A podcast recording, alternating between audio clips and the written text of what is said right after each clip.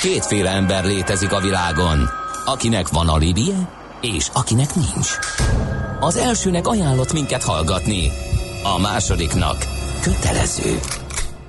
Te melyik vagy? Millás reggeli, a 90.9 Jazzy Rádió gazdasági mapetsója. Ez nem animi, ez tény. Főtámogatónk a GFK Hungária Kft. GFK, a technológia alapú adatszolgáltató. Nagyon szép jó reggelt a kedves hallgatóságnak, megy tovább a millás reggeli itt a 9.9 jazzin, és hát nagyon irigylem, aki éppen mostanában ébred, de hát van ilyen, ugye? Igen. Na, negyed kilenc múlt a stúdióban, Mihálovics András. És Gede Balázs, jó reggelt kívánok én is a most ébredezőknek. Néhány gyors közlekedési információ a 0 30 20 10 9 0 9 re érkezett. Az m 0 Győr irányába Nagy Téténytől az M5-ösig áll, írja Attis. Jóc pedig ezt színezi, m 0 hírek, Harasztinál egy besúranó egyezkedik a kamionossal, a Kisduna hídon egy szerencsétlen a belső sávban tolja a kocsiját, a Budafoki kihajtónál egy terrautó simogatott meg egy spanyol kiskocsit, mindez egy óra szenvedést okoz arra a járóknak, úgyhogy nagyon óvatosan közlekedjünk. Jöhet még közlekedési információ 0 30 20 10 9 09. Hallottál már a Bitcoinról? És az Ethereum, Ripple, Litecoin, Monero megvan? Hallgass a kriptopénzek világáról és a blockchain technológia híreiről szóló rovatunkat. Kriptopédia, hogy értsd is, mi hajtja az új devizát. Folytatjuk tehát az első körben már hallhattátok, aki velünk volt 3-8 óta körülbelül, hogy itt van velünk Debreceni Barnabás, az online kriptobroker MrCoin.eu alapítója és rövidebb piaci hírek után most rátérhetünk egy-két ilyen kiemeltebb infóra, mint például, hogy Ugye a Big Four-ból, a négy legnagyobb nemzetközi tanácsadó cégből az EVI egy új Ethereum blokkláncra épülő terméket jelentett be. Mi volt ez, mire használják, mi a cél ezzel?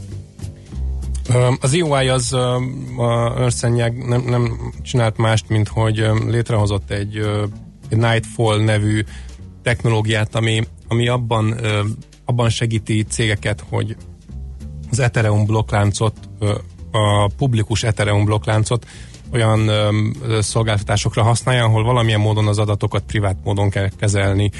És ö, ez azt csinálja, hogy gyakorlatilag egy, egy Zero Knowledge Proof nevű ilyen kriptográfiai vagy matematikai ö, ö, technológia segítségével, vagy eljárás segítségével el tudja tüntetni úgy az adatokat, hogy aki a másik oldalon van, vagy aki esetleg auditorként, vagy felügyeletként néz ezekre az adatokra, nem feltétlenül látja a, a pontos adatokat, de látja, hogy mondjuk a számok összeadódnak, és, és helyes mondjuk a végén a, a, a nem is tudom, a, a, az egyenleg, vagy a, vagy a tranzakció mértéke, vagy, a, vagy akár az, hogy egy adott token transferál, vagy átutalásra került.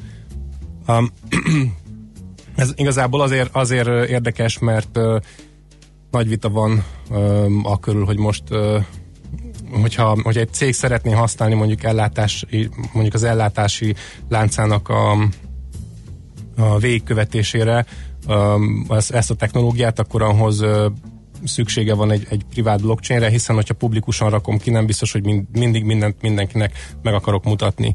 A privát blockchainek viszont alapvetően nem biztonságosak, nem, nem annyira biztonságosak, Aha. mint a publikus blockchainek, hiszen nincs mögötte az elképesztő bányász kapacitás, és ez ezt az a problémát oldja meg, és ennek a, a Nightfall nevű technológiának köszönhetően a, a publikus Ethereum blokkláncnak a biztonságát föl lehet használni arra, hogy privát adatokat is küldjünk, fogadjunk egymás között Aha, ugye nem véletlenül hoztad ezt a példát, mert hogy a Carrefour mm, supermarket lánc elkezdett ezzel kísérletezni, ugye korábban is beszéltünk. De jó, hát ők témaként. a világ egyik legnagyobb kiskereskedelmi lánca, úgyhogy a Korábban beszéltünk erről, ugye, hogy milyen jó lenne, hogyha végig lehetne követni, és akár a fogyasztó is láthatná az útvonalát a, a, a beszerzési láncnak, de hát nyilván itt, amit te is mondasz, jó lenne, ha azt meg nem tudná mondjuk, hogy mennyiért veszik, kitől milyen szerződéses körülmények között.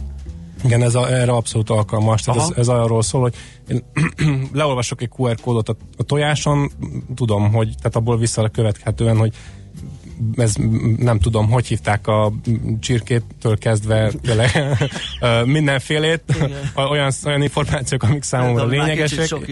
Igen. Viszont, viszont tényleg az olyan, olyan adatok, amik, amik titkosak, tehát hogy milyen pénzügyi tranzakció volt mögötte, az viszont nem látható ezen uh-huh. keresztül, de nyilván a, a, a Carrefournak és a, az ellátási láncban szereplőknek ez egy, ez egy fontos adat, az auditor számára is egy fontos adat, ők viszont kaphatnak hozzá egy olyan kulcsot, amivel ők ezt ki tudják olvasni. Uh-huh. Ugye a másik, aki elkezdett ezzel foglalkozna a Microsoft, és ez is egy érdekes terület, ugye mert az Xbox játéklicenszek nyomkövetésére használnák, ami nyilván az ilyen másolásos kalóz terjesztéseknek vethetnek gátat, hogyha lenne egy ilyen nyomkövetés a termékek mögött. Igen, a, a, a szoftver licensz egyébként, vagy bármilyen licensz, ez egy nagyon érdekes terület, mert ott ugye alapvetően egy nem egy dokumentumot kell, vagy egy dokumentumnak az új lenyomatát kell végigkövetni, hanem egy, egy egyedi tokent, ezt uh-huh. nem is tudom magyarul, hogy mondják szépen, a non-fungible tokent, ez a nem osztható token talán. Igen. ez a, a az Ethereumon van erre egy, egy szabvány, amit RC721-nek hívnak, és az eddigi legnagyobb felhasználója talán a CryptoKitties nevű játék volt, amiről talán beszéltünk is Aha. múlt évben, vagy, vagy nem is tudom, amikor ez, ez nagyon pörgött, és a CryptoKitties az arról szólt, hogy, hogy macskákat tudsz venni, fejleszteni és eladni, és elképesztő mennyiségű pénzeket toltak bele emberek és, és az, az ezt a technológiát használta, gyakorlatilag egyedi macskákat tudtál adni, venni Ethereum blokkláncon, és az teljesen el is dugította. Akkoriban nem lehetett másra használni, nem lehetett használni az Ethereumot emiatt. Azóta már nyilván ez nem csak egy ilyen vicces játék vagy jó pofa játékra való technológia, hanem most már tényleg a szoftverlicenszeket követ vele a Microsoft, tehát CryptoKitties helyett a, az, a non-fungible tokenjeid már Xbox játékoknak a licenszeit adja tovább, az, az is tényleg mutatja a piacnak az érettségét, szerintem. Uh-huh. Nem tudom, gyors témaváltással belefér ez az ICO. Még egy fél, fél mondatra, mert, mert ez hogy, meg engem érdekel. Uh, e, e, még, még csak az, ugye, hogy nyílt forráskódúvá uh, tette az EY ezt a Nightfall terméket. Uh, ezt nem tudom, ez egy elég kemény döntés, ugye, hogy lemond a szerzői jogokról, ugyanakkor nyilván van egy hasznossága, vagy, egy, vagy lehet ennek egy nagy előnye ránézve is, hogyha erre lehet fejleszteni bárkinek. Ez, ez nagyon jó kérdés, hogy ezt mi, miért tették. Egyébként valószínűleg nekik a, a, a, az összhozadéka ennél Aha. sokkal nagyobb lesz, hiszen ők, mint auditorok, ezt szeretnék a másik oldalon ugye tisztán látni ezeket a ezeket az adatokat. Tehát nekik az az érdekük, hogy ezt minél többen használják, Igen. alkalmazzák, mert neki utána auditorként sokkal könnyebb lesz a munkája. Um, a szívjóság mögött valószínűleg egy nagyobb Igen, valószínűleg, hogyha, hogyha Nightfallon keresztül kell neki auditálnia mondjuk egy ellátási lánc folyamatot, lehet, hogy ö, ö, ugyanolyan vastagon fog fo, fogni a, a filc, viszont neki tized annyi munkája lesz vele, tehát én erre tippelek. Világos. András, mi volt? Na, az ICO? ICO, ez micsoda? Te is használtad ezt a kifejezést, és tényleg a magyar sajtóba is belopta magát, és ott azon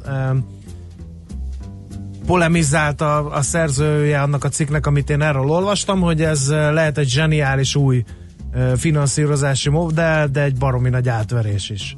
Tehát miről van szó? Talán mind a kettő. Én, én azt mondanám, hogy ez, mhm. ez mind a kettő. Ez nem túl ez... Azoknak, akik mondjuk így akarnák finanszírozni a tevékenységüket.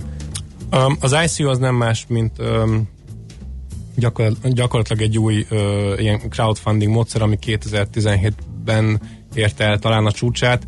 Ez arról szól, hogy ha van egy szolgáltatásod, és arra szeretnél tőkét gyűjteni, az ICO az azt csinált, hogy a szolgáltatások olyan szolgáltatások, ahol amiket valamilyen token felhasználáshoz lehetett kötni, uh-huh. ott egy ilyen előzetes vagy elsődleges kibocsátással kibocsátottak tokeneket, amit meg lehetett venni, azzal, hogy ez a pénz a fejlesztőkhöz megy, és ezt a tokent később te felhasználhatod arra, hogy a, magát a szolgáltatást használd.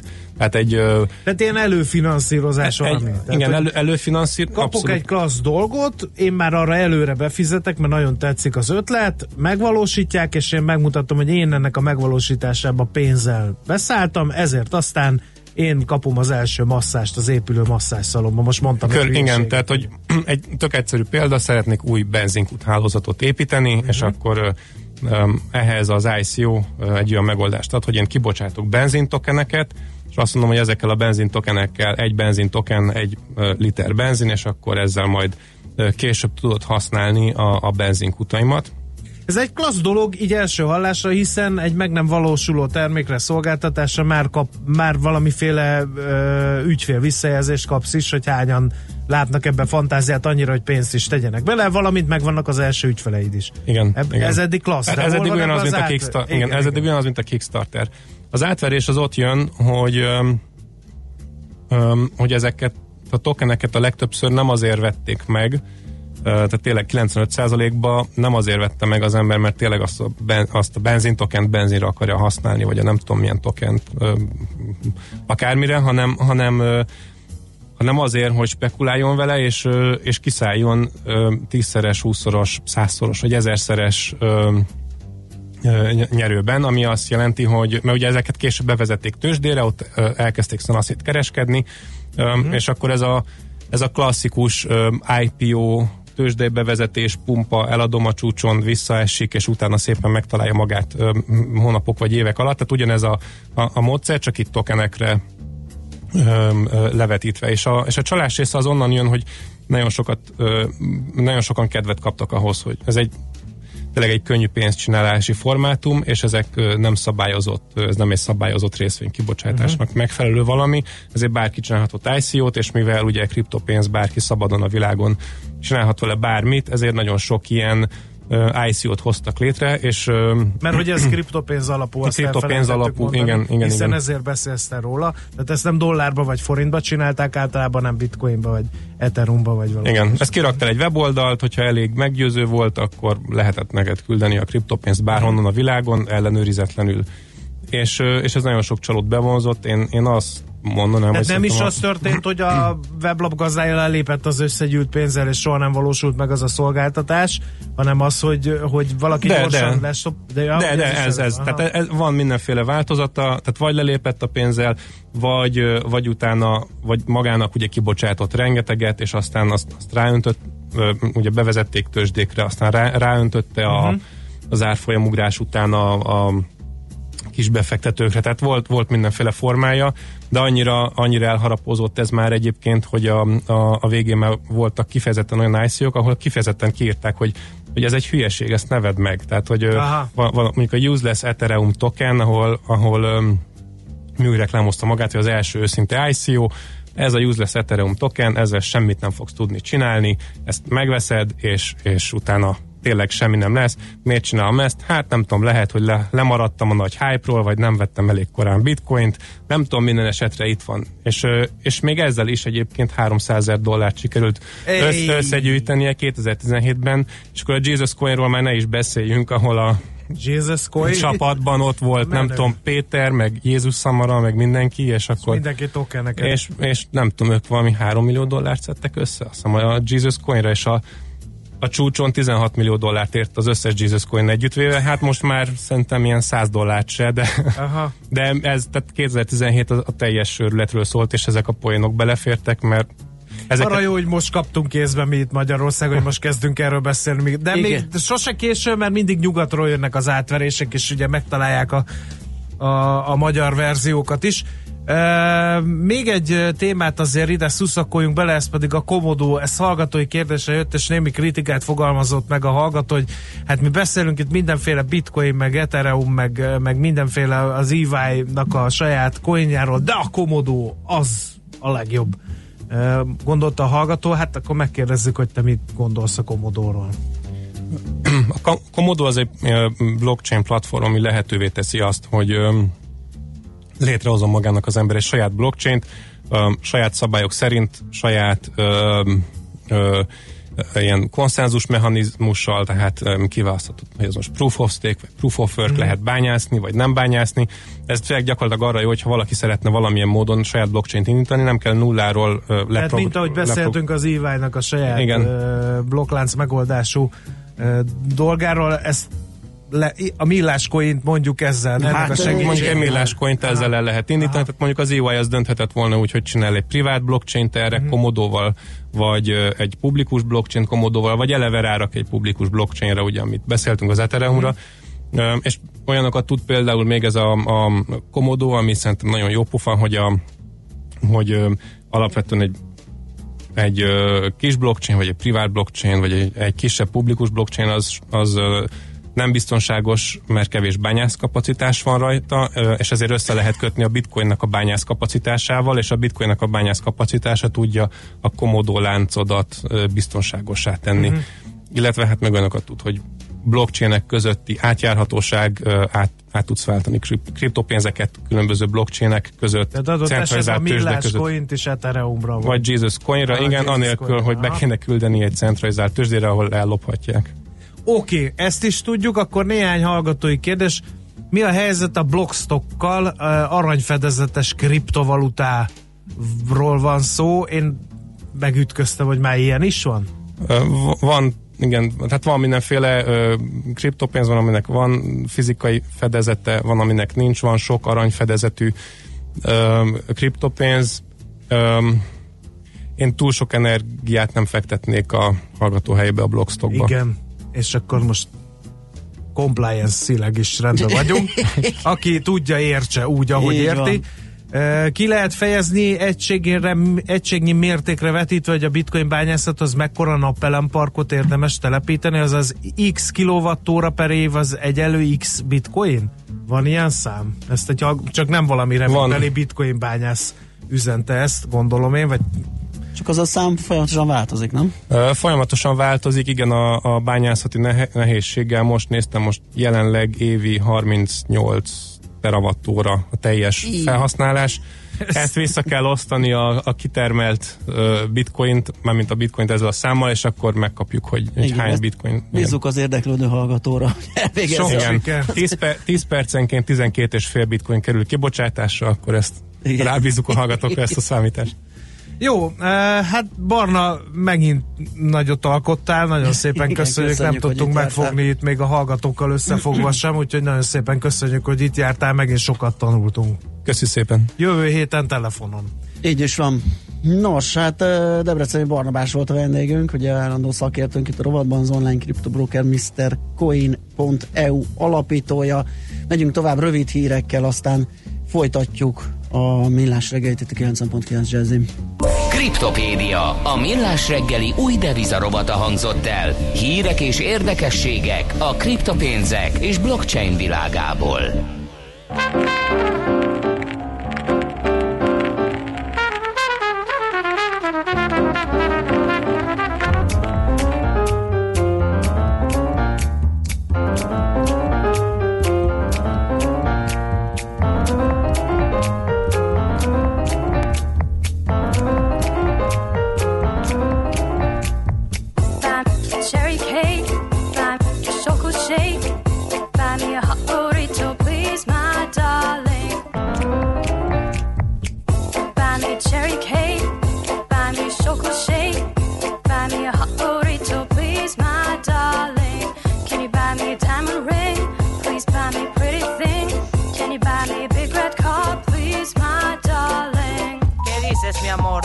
Nada. Déjame en paz. Mi amor, no tengo dinero.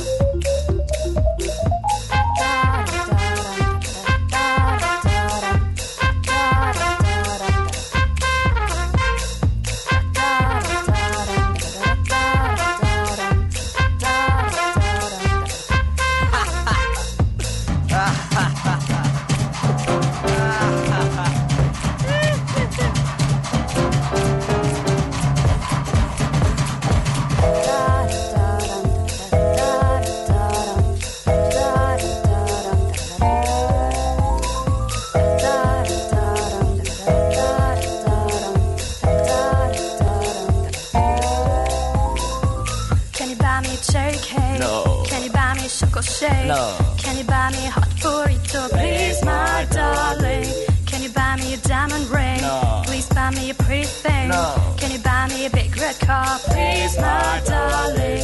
Can you buy me a cherry cake? No. Please buy me a chocolate shake. No. Can you buy me a hot burrito? Please, my darling. Can you buy me a diamond ring? No. Please buy me a pretty thing. No. Can you buy me a big red car? Please, my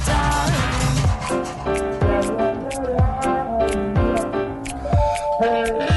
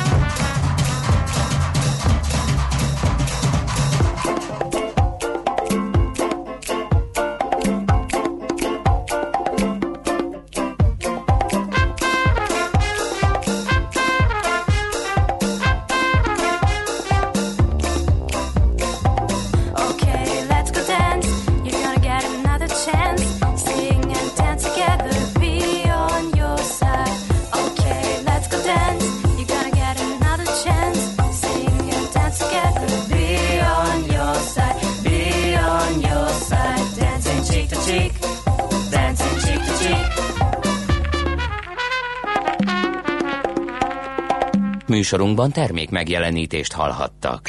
A lakosság nagy része heveny mobilózisban szenved. A statisztikák szerint egyre terjednek az okostelefonok. A magyarok 70%-a már ilyet használ. Mobilózis. A millás reggeli mobilos rovata heti dózisokban hallható minden szerdán 3.49-től. Hogy le nem erőj. A rovat támogatója a Bravofon Kft. A mobil nagyker. Rövid hírek a 90.9 Jazzin.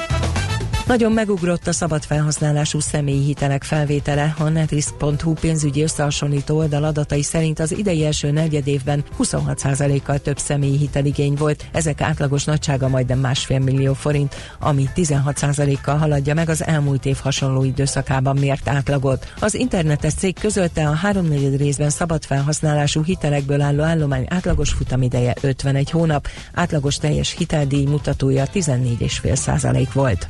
39 külföldi van a vasárnapi sri lankai merényletsorozat 310 halálos áldozata között, közölték a Szigetország hatóságai. A robbantásokban 8 nagy-britanniai és ugyancsak 8 indiai vesztette életét, de Dánia, Ausztrália, az Egyesült Államok állampolgárai is meghaltak az egyik szállodai robbantásban. Rajtuk kívül holland, japán, spanyol és portugál áldozatok is vannak. A legtöbb halott sri lankai keresztény.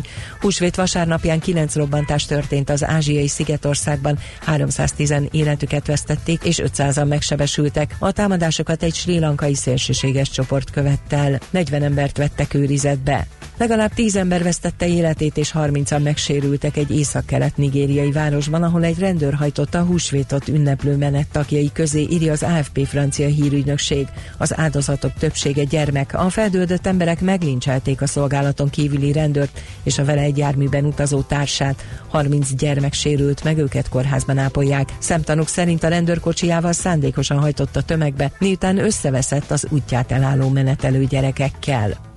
Ukrajna új elnökének megválasztása nyomán esély van az orosz-ukrán viszony javítására írta Dimitri Medvegyev orosz miniszterelnök Facebook bejegyzésében. Medvegyev szerint olyan hozzáállásra van szükség, amely figyelembe veszi az Ukrajnában kialakult politikai realitást, beleértve elsősorban az ország keleti részén kialakult helyzetet. Viktor Janukovics 2014-ben Moszkva szerint puccsal megbuktatott ukrán elnök a Facebookon gratulált Volodymyr Zelenszkijnek a megválasztásához. A volt államfő szerint az ukrán társadalom szétszakadásáért és a Donetsz medencei testvérgyilkos háborúért a hivatalban lévő elnököt Petro Poroshenkót és társait terheli a felelősség. Magára vállalta a csütörtöki észak-írországi lövöldözést az UIRA nevű szakadár brit ellenes katolikus militáns csoport. A szervezet az északír sajtónak eljuttatott levelében részvétét fejezte ki a Londonderryben történt lövöldözésben meghalt 29 éves újságírónő halála miatt, mert nem szándékosan ölték meg. A csütörtök éjszakai incidens előtt házkutatásokba kezdett a rendőrség, a rajtaütések helyszínein több tucatnyi benzinbombát dobtak a rendőrségi járművekre, majd egy fegyveres többlövést adott le rájuk, ekkor talált el a 29 éves újságírót. Legalább 25-en életüket vesztették, és 24-en megsérültek Bolíviában, amikor frontálisan összeütközött egy busz egy másik járművel. A baleset következtében egy mély szurdokba zuhant a busz, a sérültek közül többek állapota súlyos. Az időjárásról ma már sok felhő lesz az égen, többfelé kell számítani esőre futó záporokra és erős szélre. Délután 12-22 fok közé emelkedik a hőmérséklet. A hírszerkesztőt László B. Katalint hallották hírek legközelebb fél óra múlva. Budapest legfrissebb közlekedési hírei, itt a 90.9 jazz A fővárosban lassú a haladás a 10-es főúton befelé az ürömi körforgalom előtt, a 11-es főúton a Pünköstfürdő utca közelében, az Üllői úton befelé az Ecseri út és a Nagykörút előtt, továbbá a Budakeszi úton és a Hűvösvölgyi úton befelé a Szilágyi Erzsébet fasor előtt. Erős a forgalom a Rákóczi úton a Barostértől, a Könyves Kálmán körúton a Gyáli úttól a Rákóczi híd felé, a Hungária körúton a Tököli út és a Kerepesi út előtt, a Kerepesi úton befelé a Fogarasi út előtt, illetve a Váci úton befelé szakaszonként. Fennakadásra számíthatnak a Hegyalja út Erzsébet híd útvonalon, a Bajcsi Zsilinszki úton az Erzsébet térhez közeledve és tovább a Károly körúton, illetve a Nagykörúton a nagyobb csomópontok előtt mindkét irányból. Torlódik a kocsisor a Szélkálmán térre vezető utakon, az Árpád fejedelem útján befelé, valamint a Pesti alsórakparton a Lánchídnál mindkét irányban. Elkezdődött az M3-as metró déli szakaszának felújítása, ezért ismét átalakult Budapest közlekedése. A Szentlőrinci lakótelepről munkanapokon a 223M autóbusz Pesterzsébeten át a Boráros térig viszi az utasokat, Pesterzsébetről a belvárost a legegyszerűbben a sűrűbben induló 99-es autóbusszal lehet megközelíteni. Nemesszegi Dániel, BKK Info. A hírek után már is folytatódik a millás reggeli, itt a 90.9 jazz Következő műsorunkban termék megjelenítést hallhatnak. Aranyköpés a millás reggeliben. Mindenre van egy idézetünk. Ez megspórolja az eredeti gondolatokat. De nem mind arany, ami fényli. Lehet kedvező körülmények közt gyémánt is. Hát, ha valakinek azt mondom, hogy ezen a napon született 1926-ban Kucses Éva Etelka Nametta, akkor felvonja a szemöldökét, és azt mondja, hogy hát oké, okay, köszi az infót, nem ismerem a hölgyet, de ha azt mondom, hogy Janikovszki Éva, akkor szerintem már nagyon sokan tudjuk, hogy kiről van szó. Igen. Úgyhogy És az ez tőle. lehetne a tőle választott aranyköpés a krédom is. Hát gyerekként valljuk be, ki ne érezte volna a következőket, amit ő papírra is vetett. Így hangzik Janikovszki Éva aranyköpése. Amikor apukám azt mondja, hogy gyere csak ide kisfiam, beszélni akarok veled, akkor már biztos, hogy baj van. Mert ha nincs baj, akkor nem mondja, hogy beszélni akar velem, hanem mindjárt beszél. Zseniális. Ez szerintem ez mindenkinek megvan, úgyhogy ne, ez nem csak a tiéd, Beragozzuk túl. mindannyiunké, így van. Aranyköpés hangzott el a millás reggeliben. Ne feledd, tanulni ezüst, megjegyezni arany. Nem akarom megijeszteni a KKV vezetőket, de akár kezdhetnénk azzal, hogy na gyere csak ide KKV vezető, beszélni akarok veled, mert hogy lesz itt egy-két teendő az idei évben kockázat, meg felkészülni való. Hát ezeket Ipacs Viktorral, a Raiffeisenbank kisvállalati üzletág vezetőjével beszéljük meg. Jó reggelt neked, szervusz! Jó reggelt! Na nézzük azt a menetrendet először talán, amire jó, hogyha ö, számítanak a, a vállalatvezetők, és tudják, hogy ezek ö, olyan kihívások, vagy előttük álló feladatok, amire, amire bizony készülniük kell. Így van, szúrjunk le néhány fontos dátumot. Ami nagyon égető, és mindegyik egyébként a pénzügyi szolgáltatók választásáról fog szólni. Az első, hogy június 26-án egy új törvényi kötelezettségnek kell közösen együtt eleget tenni az ügyfeleinkkel. Ezt hívjuk kellemetlenül a pénzmosási törvénynek. Uh-huh. Minden pénzügyi szolgáltató köteles aktualizálni az okmányokat, független attól, hogy lakosságról vagy vállalatvezetőkről beszélünk. A vállalatvezetőknél azonban még van egy plusz kötelezettség, egy tényleges tulajdon, tulajdonosi nyilatkozatot kell valamilyen formában eljuttatni hozzánk, és arra kérek mindenkit, hogy nézze át a kapcsolat rendszerét, akinek akár egy bankja van, akár több bankja, hogy ezek az okmányok esetleg lejártak, de tényleges tulajdonos, tulajdonosi nyilatkozattal biztos, hogy van teendő, és akkor rögtön rá is térnék a következő dátumra. Elvileg július 1-én indul a azonnali fizetési rendszer. Elvileg?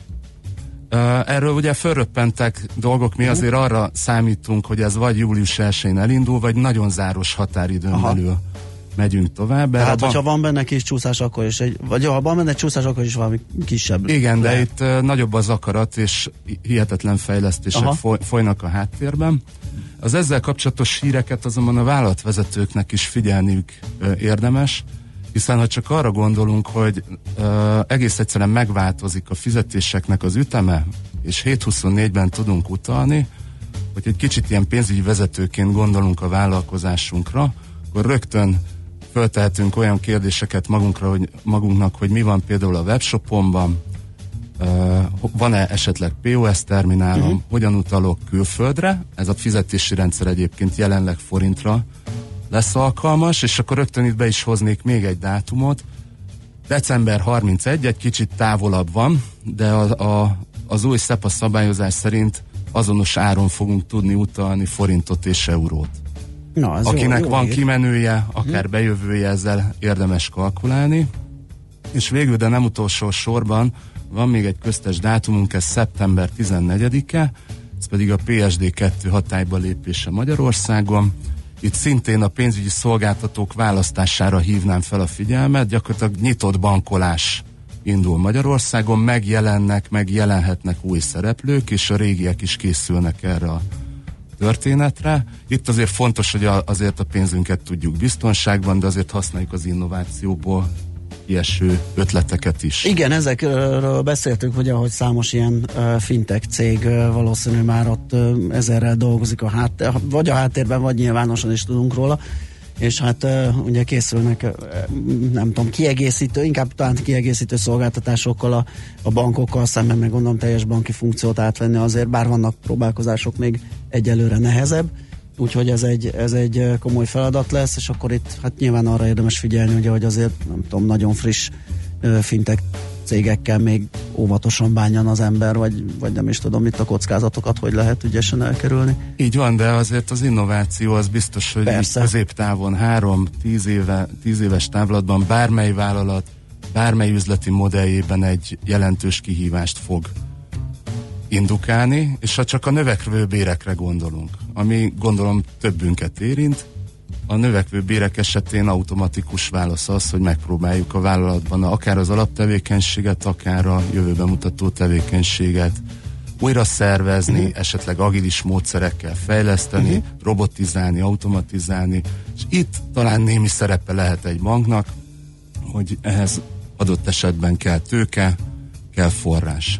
Világos. Az első természetes ilyen forrás egyébként, hogyha egy kicsit az állam uh, szerepét behozzuk, ugye a, a jegybanki program a 330-as pontból álló programból a vállalatvezetőknek az 52-től 58. ol- oldalig érdemes olvasni. Itt szó van egyébként a, a, a weboldalaktól kezdve mindenféle innovációs Aha. programról és gyakorlatilag létezik az Európai Uniós támogatásoknak egy nagyon innovációra specifikált rész, ezt úgy hívjuk, hogy GINOP. Igen, erről már pár szót ö, beszéltünk ö, ezeknek a különböző támogatási formáinak és a lehetséges pályázati ö, opciókról.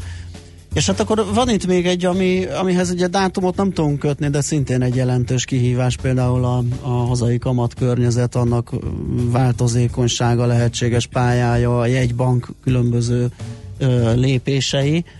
Ez, ezzel hogy, hogy tudnak elbánni a vállalkozók, mit lehet nekik javasolni? A makrogazdasági előrejelzések abban közösek, hogy ez a kamatpálya, és elég ránézni bármelyen hozamgörbére, egy, egy adott időtávon túl egy jelentős emelkedést tartalmaz. Meg a Ez most logika is pia- az ez diktálja, a logika, hogyha ilyen így- mélyponton így van, néz akkor az normális Igen, hozamgörbe. így van.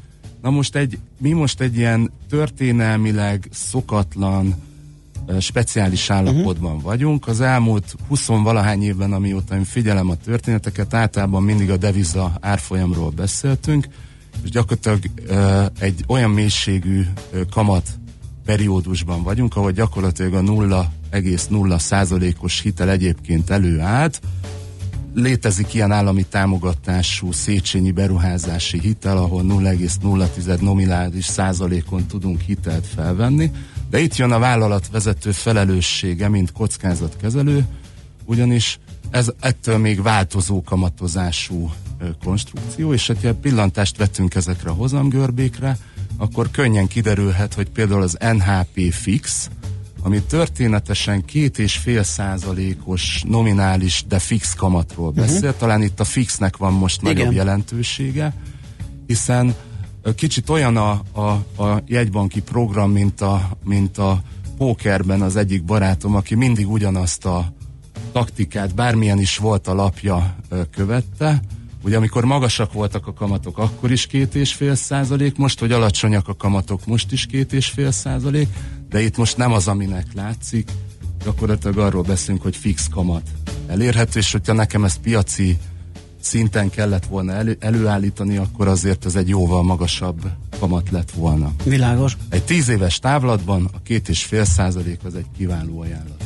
Főleg egy olyan környezetben, ahol ugye arra lehet számítani, hogy előbb-utóbb uh, ugye elfelé indulnak a kamatok, és ugye ahol nem győzük mi is hangsúlyozni a műsorban, hogy aki újonnan vesz fel lakáshitelt, az már inkább a fix kamatozásút válassza, ne a változót. Egyébként mennyire veszik ezt figyelembe a vállalkozók? Mit lehet mondani erről, hogy mennyire szofisztikáltak, vagy mennyire gondolják azt, hogy majd ők megoldják ezt? Nagyon, nagyon nehéz uh, pengeélen táncolni a rövid táv és Aha. a hosszú táv között. Hát ez az igazság, hogy gyakorlatilag egy 0,01 százalékos ajánlat az rövid távon vonzóbb. Én az, a, abban szinte biztos vagyok, hogy hogy ez akkor lesz széles kérdés, amikor tényleg megindulnak a kamatok felfelé, akkor viszont mindenki fixesíteni akar. Én attól tartok, hogy akkor már Akkor már késő lesz. késő. Igen, igen. Erről És- már beszéltünk, hiszen ugye alkalmazkodni kell a, a pénzügyi szolgáltatóknak is a kamat környezethez, tehát akkor már azért nyilván nem ugyanaz a helyzet, mint ami most. Tehát itt kell előre gondolkodni. Nyilván nem, nem megoldhatatlan, csak más és rosszabb kondíciókkal lehet majd fixálni. Így van. Úgy is szoktuk mondani, hogy hedgeljünk. Igen. A igen. hedge egy angol szó, gyakorlatilag sövényt jelent, és még a sündisznót is a sövényről nevezték el. hogy Ugye a sündisznó tud védekezni. A, itt nem arra kell gondolni, hogy elszaladunk egy ilyen nagyon komoly konstrukcióba, és uh, gyakorlatilag ilyen derivatív ügyletekről, bonyolult ügyletekről beszélünk, gyakorlatilag bármilyen üzleti modellből eredő kockázatot, legyen az mondjuk egy szállító. Egy szállítón van, két szállítóra átszerződök, és gyakorlatilag már 50%-kal mérsékeltem a szállítói kockázatot. Euró árfolyam kitettség ellen kiváló megoldás lehet, hogyha nem azonos mértékben, vagy azonos futamidőben, de egy euró hitelt veszek fel. És gyakorlatilag ezzel a kockázat egy jelentős részét kiküszöbölöm. Ugyanígy egy kamat kockázat, egy növekvő kamat görbe mellett egy fix NHP felvétele jó ötlet lehet.